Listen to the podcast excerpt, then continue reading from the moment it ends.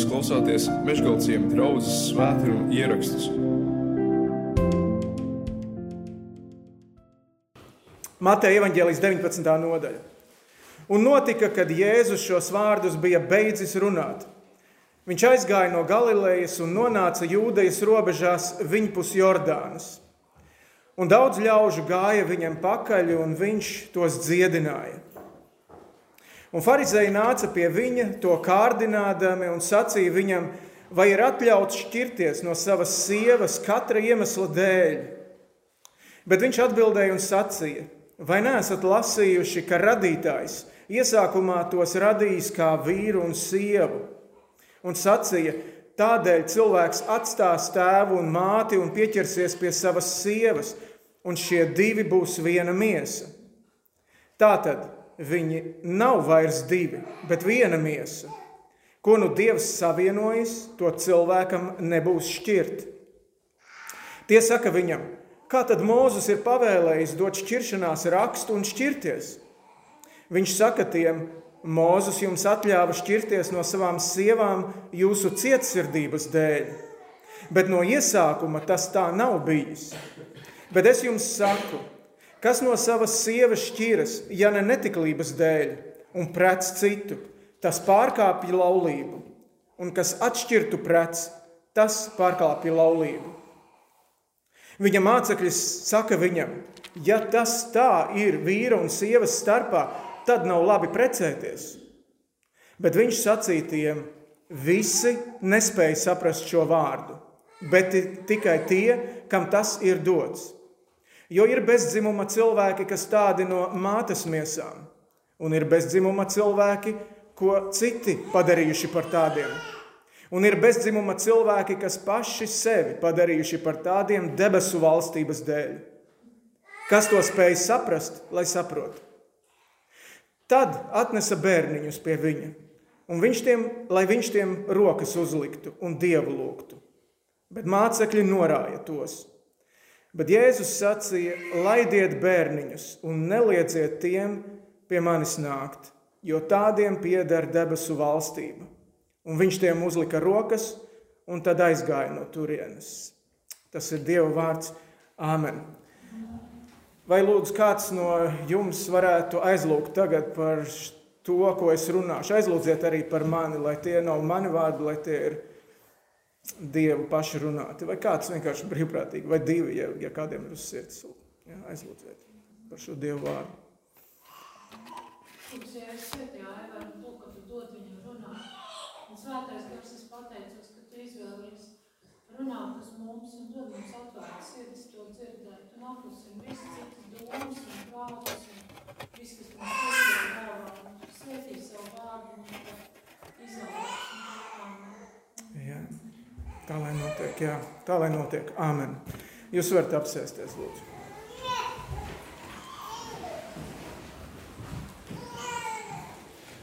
Ja jums tur ir pa tumšu, varbūt tiešām varat ieslēgt gaismas. Tur jau kāds bērns slēdz, man liekas. jā, ja vajag, droši, droši slēdziet. Iemesls, kāpēc es izvēlējos teiksim, šo raksturvietu, bija tāds, ka Pagājušajā reizē Jānis un Nelija, Dāvida, mazā Dāvida vecāki, kuru mēs arī tur dzirdam, un labi, ka viņš, eh, viņš dod par sevi zināt, viņi vēlējās, lai, lai mēs aizlūgtu, kā draugi aizlūgtu par šo, šo zēnu. Un, protams, ka pirmajā brīdī man nāca prātā uzreiz šī rakstu vieta, lai iet bērniņus pie manis. Tādiem pieder debesu valstība. Un, un mācekļi vai ne saka, nē, nē, meistaram nav laika. Bet tad es paņēmu, jo šis notikums ir atstāstīts arī uh, trijos no četriem evaņģēlījiem, no Jēzus dzīves stāstiem Bībelē. Un, uh, un es skatījos, ka šajā Mateja evaņģēlijā viņš ir ielikts tādā plašākā kontekstā, ģimenes kontekstā. Citi evaņģēlisti tur pirms tam un pēc tam viņi eh, drusku citus notikumus stāsta, ja, bet Matejs ieliek eh, šajā ģimenes kontekstā. Un tāpēc es arī šo savu eh, runu gribētu dalīt tā kā mazliet tā kā divās daļās. Vai ne? Vispirms par vīru un sievu, par vīra un sievas attiecībām. Jo bērns jau nekad nav viens pasaulē, kaut kāds izolēts, vai ne? Viņam ir vecāki. Un ģimene ir tā vide, kurā viņš var augt, kurā viņš var mācīties, kurā viņš var attīstīties. Un šodien es domāju, ka mēs visi jūtam un redzam, ka tas ģimenes jēdziens ir šodien tik ļoti izpludināts. Viņš ir tik ļoti saduļķots. Tur tā kā iet tā kā tādā haosa virzienā. Kas ir ģimene? Vai ģimene ir vai ne, jebkas?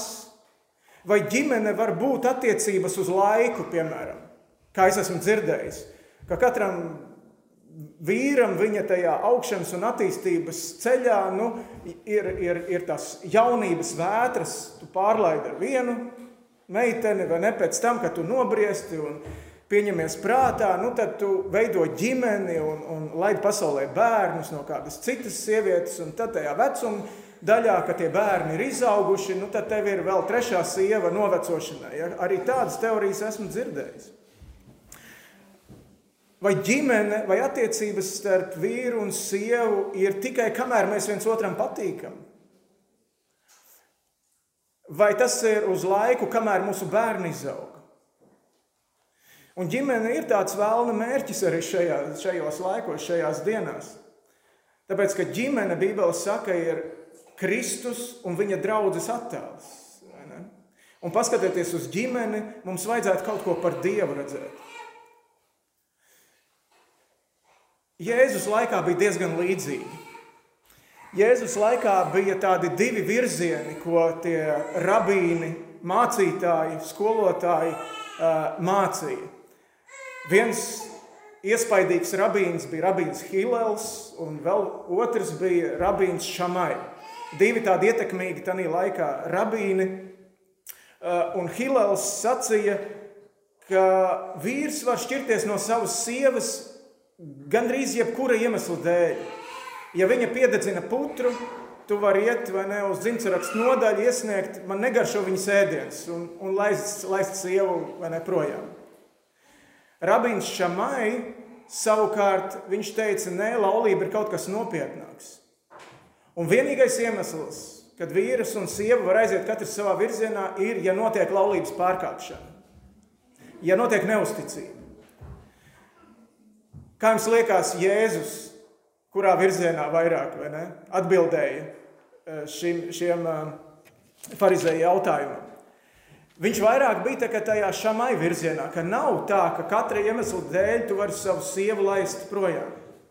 Bet viņa arguments gāja tālāk, viņa arguments gāja līdz radīšanai. Viņš teica, iesākumā Dievs taču tā radīja viņus divus, vīrieti un sievieti. Vai neesat lasījuši, ka radītājs iesākumā tos radīja kā vīru un sievu un sacīja, tādēļ cilvēks atstās tēvu un māti un pieķersies pie savas sievas, un šie divi būs viena miesa. Tātad viņi nav vairs divi, bet viena miesa. Ko nu Dievs savienojas to cilvēkiem, nebūs šķirt. Un tie rakstu mācītāji saka, bet kā tad Mūzus, mūsu autoritāte, mūsu ticības viens no stūrakmeņiem, fundaments. Kā tad Mozus ir pavēlējis dot šķiršanās rakstu un šķirties? Un Jēzus saka, tāpēc, ka jūsu sirds ir cieta. Jūsu cietās sirds dēļ, grēka apcietinātās sirds dēļ, mēs esam tur, kur mēs esam. Un tādēļ Mozus dod šo ceļu, ja? bet viņš saka, oriģināls, Dieva iecerē tāda nav. Dievs to tā nebija iecerējis. Nelaime mums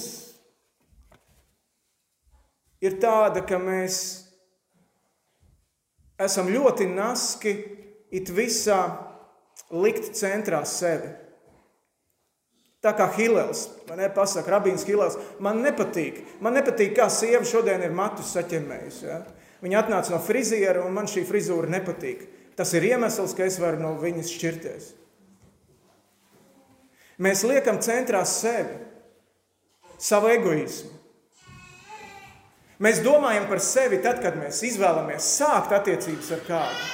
tāpēc, ka man patīk, tāpēc, ka man ir labi, tāpēc, ka skaistas kājas un tā tālāk. Un mēs izvēlamies likt sevi arī tad, kad tās attiecības gribam pārtraukt. Arī tad mēs sevi un savas izjūtas gribam ielikt centrā.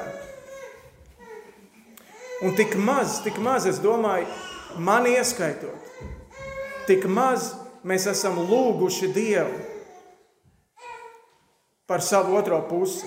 Tik maz mēs esam gaidījuši, kad Dievs tā kā Ādamam ievu pievedīs klāt to izredzēto cilvēku manā dzīvē. Laulība ir Dieva iecerē. Un Dievs saliek divus dažādus cilvēkus. Jūs esat droši vien stelējuši puzli kopā, vai ne? Ka ir tas gabaliņš, kurš tik precīzi ieiet iekšā. Un tev ir jāgaida, vai ne? Jālūdz Dievu, lai tu savā dzīvē satiktu šo cilvēku. Mēs dažreiz par spīti mēs sakam, jā, tur vienam ir šitais te, un otram ir tas uh, uh, izbīdījums, vai ne? Un, un it kā jau tie gabaliņi tur sajies kopā, un mēs spiežam par spīti tam, ka viņi nav viens otram paredzēti. Jā, tur tā forma ir līdzīga, tur tā krāsa atbilst varbūt pat, ja? bet viņi nav viens otram radīti, un mēs par spīti ejam tajā virzienā, un nevis gaidām to īsto. Bībele uz laulību skatās ļoti nopietni. Tā ir viena reize, viens šāviens, un tev ir jāatrāp desmitniekā. Tas ir tā kā tagad notiek tas uh, basketbola čempionāts, un jums iedotu basketbola bumbu nolikt laukuma centrā un teikt, ņem ar vienu metienu un laukuma galā, lai būtu grozā. Kurš no mums to var? Luka Dončičs varētu to, vai ne? Porziņas. Dieva standarts ir ļoti augsts. Un mācekļi tāpēc arī saka, ej, tad labāk varbūt ir neprecēties vispār.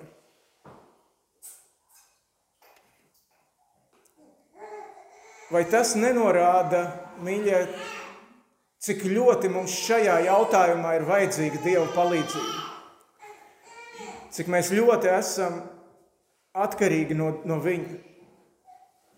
Jo mūsu valsts, un es domāju, tā ir vispār pasaules statistika arī, bet mūsu valstī un arī manā personīgajā pieredzē 50% no laulātajiem, salauztajiem cilvēkiem netrāpa īstajā mērķī.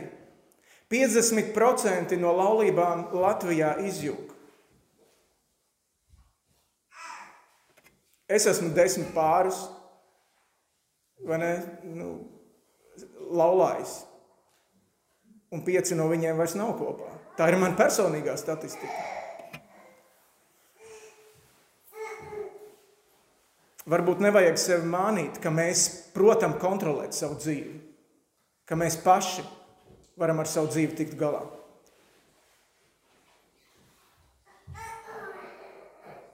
Varbūt vajag savus laulības uzticēt Dievam, radītājam, laulības radītājam. Daļa no jums, kas šeit sēžat, sakat, man tas vēl ir priekšā. Man šīs lietas, man šīs izvēles vēl ir priekšā. Daļa no jums saka un domā, man jau tas ir pa vēlu, ko tu tagad runā.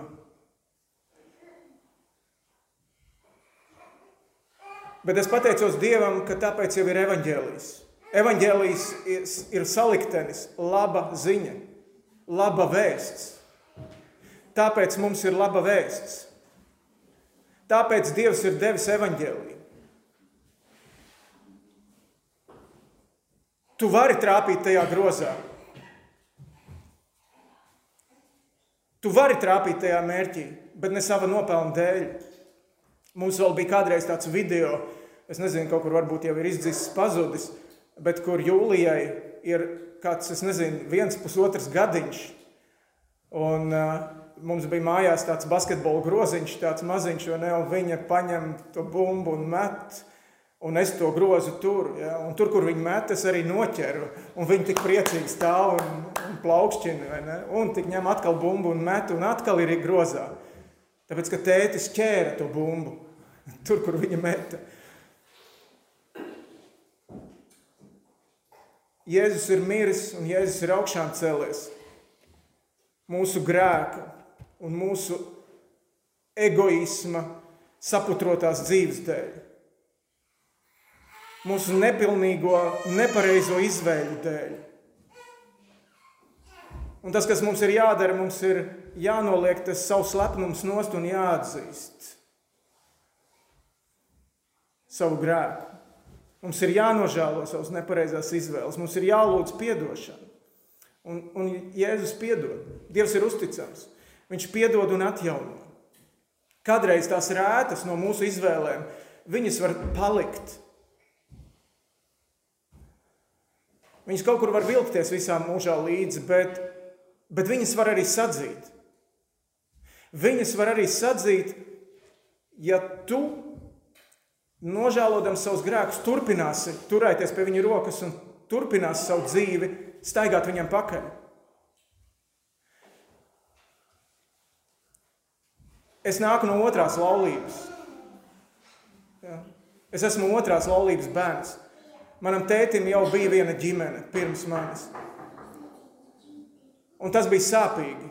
Es zinu, ka viņam tas bija sāpīgi. Ja. Un es tikai biju kāds agrīnos 11 gados, kad es uzzināju, ka man ir pusbrāļi. Bet Dievs tik brīnišķīgā veidā šīs attiecības savāca kopā manu acu priekšā. Ja, kur tās attiecības, lai cik viņas būtu bijušas sapurgātas.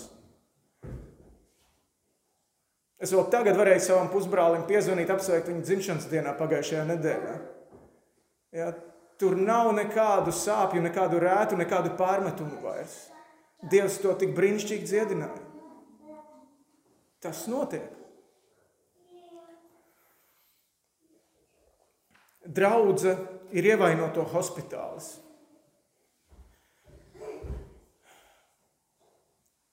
Ja tu esi atnācis ar sāpes šeit, tad ne jau mēs varam dziedināt to, ne? Ne jau es to varu izdarīt. Draudze nevar garantēt, ka, ka tā laulība tagad nu, būs zini, ilgi un laimīgi ne, līdz mūža galam. Mēs nevaram piedot grēkus, mēs nevaram izglābt mūžīgai dzīvībai. Tas nav cilvēku spēkos. Bet Dievs to var. Dievs to var. Un viņš ir devis Jēzu kā durvis Jēzus pats par sevi saka, es esmu durvis no vienas telpas otrā telpā.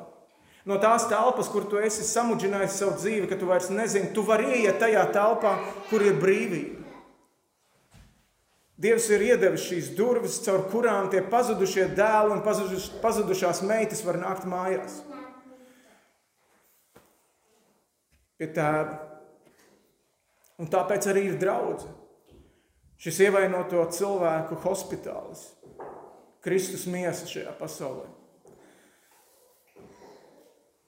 Mēs aicinām un mēs gribam iepazīstināt ne, cilvēkus ar, ar to, kurš var tos mezglus atraisīt.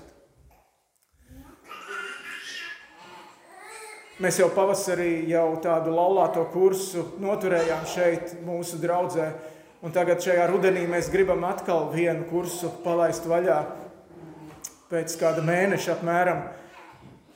Jo pat ja jūs esat kā divi puzles gabaliņi salikušies kopā, pat ja jūs esat īstie cilvēki viens otram, tad tā pati par sevi jau nav garantija, ja jūs arī nestrādājat pie šīm savām attiecībām un pie savas laulības, ja to nekopji. Un tāpēc mēs šo arī gribam piedāvāt tagad rudenī, vai ne, ka atkal var, var pārināt kopā un par to domāt, kopt, remontēt, atjaunoties. Jo nepietiek ar skaistu sākumu. Ir vajadzīga gudrība, prasme, vēlēšanās turpināt iet šo laulības ceļu. Jo to rezultātu jau nevērtē pēc skaista sākuma, pēc baltās kleitas baznīcā.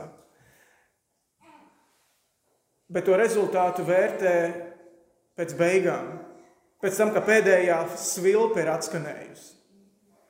Atkal basketbols, vai ne? Tad, kad beigu svilpe ir noskanējusi, tad, kad Francija ar Latviju spēlēja basketbolā, Francija bija visu spēli vadībā, bet beigās ar diviem punktiem tomēr uzvarēja Latviju. Pēc beigu svilpes to rezultātu nosaka.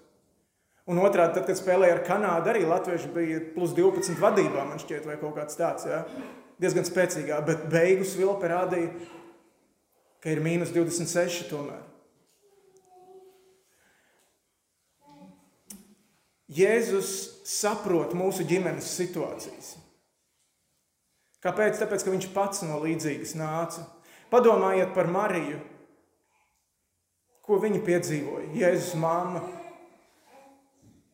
Viņa arī droši vien sapņoja par skaistām kāzām un normālu laulību. Un tad pēkšņi ir bērns. Vēl pirms tas sabiedrības acīs drīkstēja notikt vispār. Jēzus zināja, kā jutās Jāzeps, kad, kad viņš arī bija gatavs vienkārši dot šķiršanās rakstu un pazust pats projām kaut kur. Jēzus to zināja, kā jutās viņa vecāki. Jēzus pats zināja, kā viņš ar saviem pusbrāļiem jutās. Kad pusbrāļi dažreiz viņu vilka uz zobu un teica, nu, ja jau tu gribi būt pazīstams, tad ej, vai ne, tur uz pilsētas svētki, vai ne, ej, tur rādi kādu brīnumu. Jēzus zināja, kāda ir šī spriedze, varbūt arī ģimenes iekšienē. Un tāpēc viņš saka šeit vēlāk, viņš saka, laidiet šos cilvēkus pie manis, laidiet šādu, laidiet bērniņus pie manis. Parasti pie Jēzus nāca cilvēki ar vajadzībām. Šeit arī nodaļas sākumā, kad cilvēki pūlis nāca pakaļ un, un likās dziedināties. Un Jēzus viņus arī dziedināja, protams. Ja? Tie bija cilvēki ar vajadzībām. Šī gadījumā mēs skatāmies, ka tie vecāki atnāk patiesībā gandrīz vai bez vajadzības. Nu, nav tāda vajadzība, ka nu, tagad vajadzētu to bērniņu dziedināt. Bet šie vecāki atnes savus bērnus tāpēc, lai bērniem būtu labāk. Lai bērni piedzīvotu kaut ko labāku, nekā es esmu savā mūžā piedzīvojis. Svēti Jēzu viņus!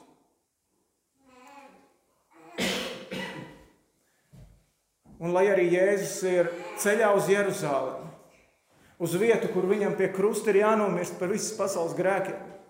Un mācekļi saka, mums laiks iet uz priekšu, mēs nevaram kavēties. Ja? Ejiet projām, citreiz atnāciet. Nekavējiet, meistari. Jēzus saka, priekš šādiem cilvēkiem man laiks būs vienmēr.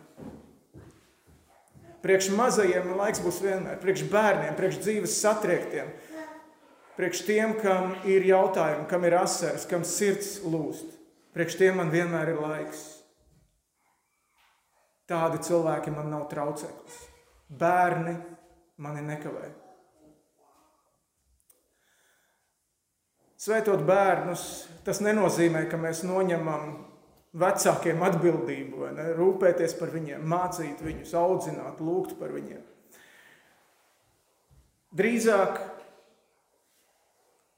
Drīzāk šī aizlūgšana ir, ka, vec, ka vecāki saprot, man nav pietiekami spēka, man nav pietiekami gudrības. Es nespēju šim bērnam būt, es nespēju šim bērnam būt visā dzīvē, visās situācijās klāt. Dievs nāca man palīdzīgā. Tāpēc es nesu to bērniņu pie tevis. Tāpēc es gribu, lai tu viņam pieskaries, tāpēc es gribu, uh, lai draudzēs aizlūdz. Jo tu, Dievs, esi mums viņu dāvinājis. Palīdz mums viņu izaudzināt par krietnu cilvēku Latvijai un debesu valstībai. Tā būtu šī aizlūgšanas jēga.